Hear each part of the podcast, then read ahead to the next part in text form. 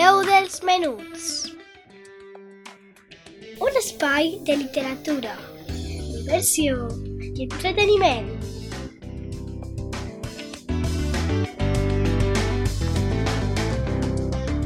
Amb Laia Esteve.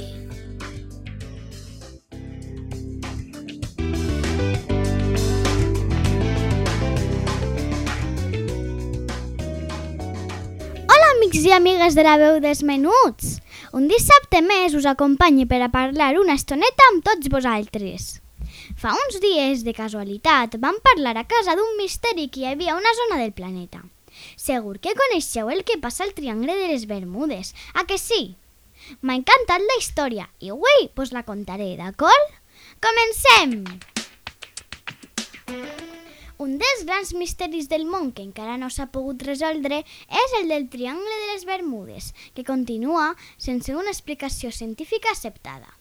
Ara bé, de tant en tant podem veure notícies en què s'explica que alguns científics haurien desxifrat els misteris d'aquesta zona tan singular i de les curiositats que l'envolten. El Triangle de les Bermudes se situa entre Puerto Rico, Bermudes i Florida, al davant de l'illa de Cuba i de la costa del sud-est nord-americana. Si unim els tres punts que hem esmentat, primer de tot podem formar el Triangle de les Bermudes, un indret que ha captivat i fet estremir la gent al llarg de molts anys, sobretot si l'havien de travessar per aire o per mar.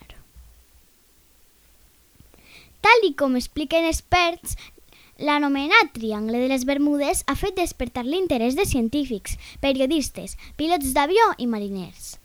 Fa molts anys que s'investiguen les desaparicions de diversos avions, que de cop s'esfumen del radar i no deixen cap mena de rastre i de vaixells amb els quals es perd la comunicació i també desapareixen com per art de màgia. Uh! En algunes ocasions, el fet més curiós i estrany d'aquest triangle és que sovint les restes que s'han trobat estan del tot intactes. Els cascos dels vaixells no tenen cap mena de forat. Els avions no tenen les ales trencades i no hi ha cap indici que permeta esclarir els fets. Vivim a l'època dels fake news i per això hi ha moltes notícies que s'han propagat al voltant del Triangle de les Bermudes i que s'haurien de qüestionar.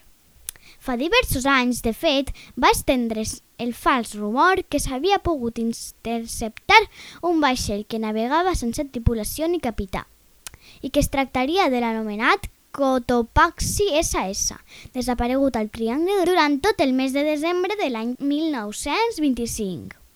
Ara bé, la notícia la va publicar un portal de notícies satíriques, tot i que molta gent va obviar aquest fet. Es calcula que de mitjana uns 20 vaixells i 4 avions es fumen del mapa de manera literal cada any, quan travessen aquest indret. Mare meua! D'entre tots els que han tingut aquest misteriós destí, podem esmentar l'USS Cyclops, una nau de grans dimensions que va desaparèixer sense deixar ni rastre l'any 1918 en aquesta zona. I amb ella també es va perdre la pista de més dels més de 300 individus que hi viatjaven. Alguns rumors apunten que la pirateria o els torpedes alemanys com a causa de la desaparició, però no s'ha pogut descobrir mai què li va passar al vaixell.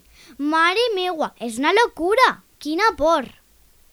D'altres autors, però, situen l'inici de la llegenda del Triangle de les Bermudes en el moment en què va desaparèixer de manera ben misteriosa el vol de neu, que provenia de Florida d'ara fa més de set dècades, el dia 5 de desembre de l'any 1945. Era un avió d'entrenament que havia sortit de la seva base per a dur a terme una sèrie de maniobres i que després havia de tornar. Ara bé, no va tornar i no es va poder localitzar cap resta de l'avió ni de les 14 persones que hi anaven.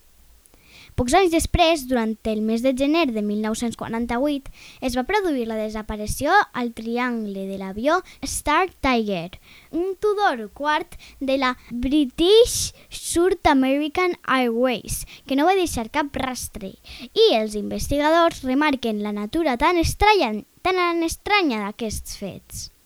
Un any després d'això, un altre Tudor quart de la mateixa aerolínia, anomenat Star Ariel, també va desaparèixer en aquest indret. Els investigadors es que queden totalment sorpresos al davant d'aquests misteris que envolten aquest enclavament. Aquell mateix any, durant el mes de, de desembre, un transport aeri DC-3 es va esfumar com per art de màgia mentre a la nit s'acostava a la zona de Miami. No es va poder trobar cap resta de les 32 persones que viatjaven, ni tampoc dels membres de la tripulació de l'aparell. Uns quants després, el SS Poet, que era un vaixell que feia 160 metres, va enfonsar-se l'any 1980 a la zona sense deixar cap rastre.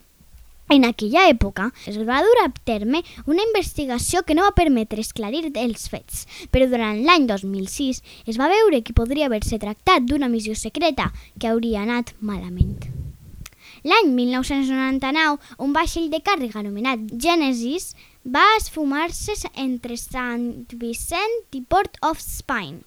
Anava carregat amb 465 tones de formigó i aigua i després d'alertar sobre problemes tècnics es va perdre el, el contacte per ràdio i amb l'embarcació i tot i que els fets es van investigar de manera exhaustiva va ser impossible trobar restes de l'embarcació. Però on estan aquests vaixells? Dins del Triangle de les Bermudes hi haurà una muntanya.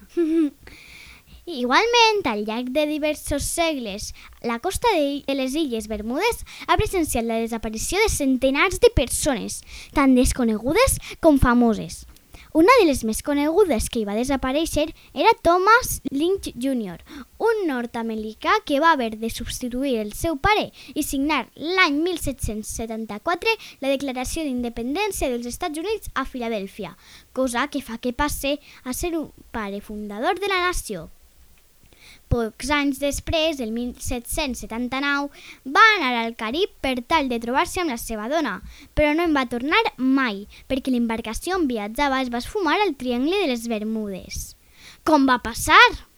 Es tracta, de fet, un dels primers casos de desaparició a la zona del qual es té constància. Tal com he explicat, hi ha molts periodistes i científics que han volgut desxifrar el misteri que envolta les Illes Bermudes i s'han formulat diverses teories per mirar de trobar-hi una explicació. Alguns estudiosos de la Universitat Britànica de Southampton van determinar que, que el fet durant el darrer segle hagin desaparegut Tants vaixells al Triangle de les Bermudes està provocat per onades assassines que poden arribar a mesurar 30 metres d'alçada, mare meua, i que es van documentar per primera vegada a l'any 1997.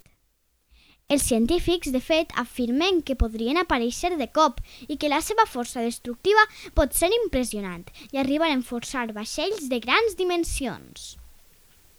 D'altra banda, alguns altres científics diuen que als fons marins de la zona s'hi poden trobar bosses de gas de grans dimensions i que quan aquest gas s'allibera cap a la superfície del mar es comporta com si fos una bombolla gegant tancada, que s'inflaria fins que esclatés i provoqués un forat al mar capaç d'absorbir les embarcacions i tot seguit de tancar-se al seu damunt. Tremendo! En el cas dels avions, la cosa seria molt similar. La gran concentració de metà sobtada pujaria cap a dalt i provocaria una turbulència atmosfèrica molt potent al damunt del mar que faria que l'avió deixés de navegar sobtadament. Ara bé, si ens allunyem del món de la ciència, també hi ha gent que afirma que es podria tractar d'una conspiració maçònica, d'algun monstre marí que ataca qualsevol que passi per la zona d'una conspiració política, de vòrtex demoníacs, d'una reacció en la mitològica illa submergida de l'Atlàntida o fins i tot n'hi ha que diuen que el Triangle de les Bermudes seria un centre d'activitat alienígena. Impossible! I això és tot per avui. Què us ha semblat? Vos ha agradat el misteri? Quines coses més estranyes, eh? Moltes gràcies per escoltar-me un dissabte més. Estic molt contenta. Vos esperes la pròxima setmana a la veu dels menuts en la teua ràdio. Disfruteu de la Setmana Santa, encara que no puguem anar amb la família, ni amics, ni haja processions... Clar, però aprofitem per a descansar i menjar mones! I com sempre vos dic, cuideu-vos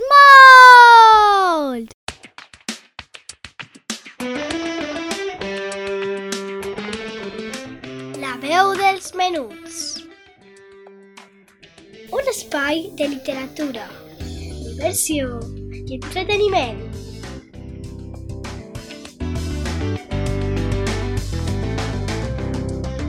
Amb Laia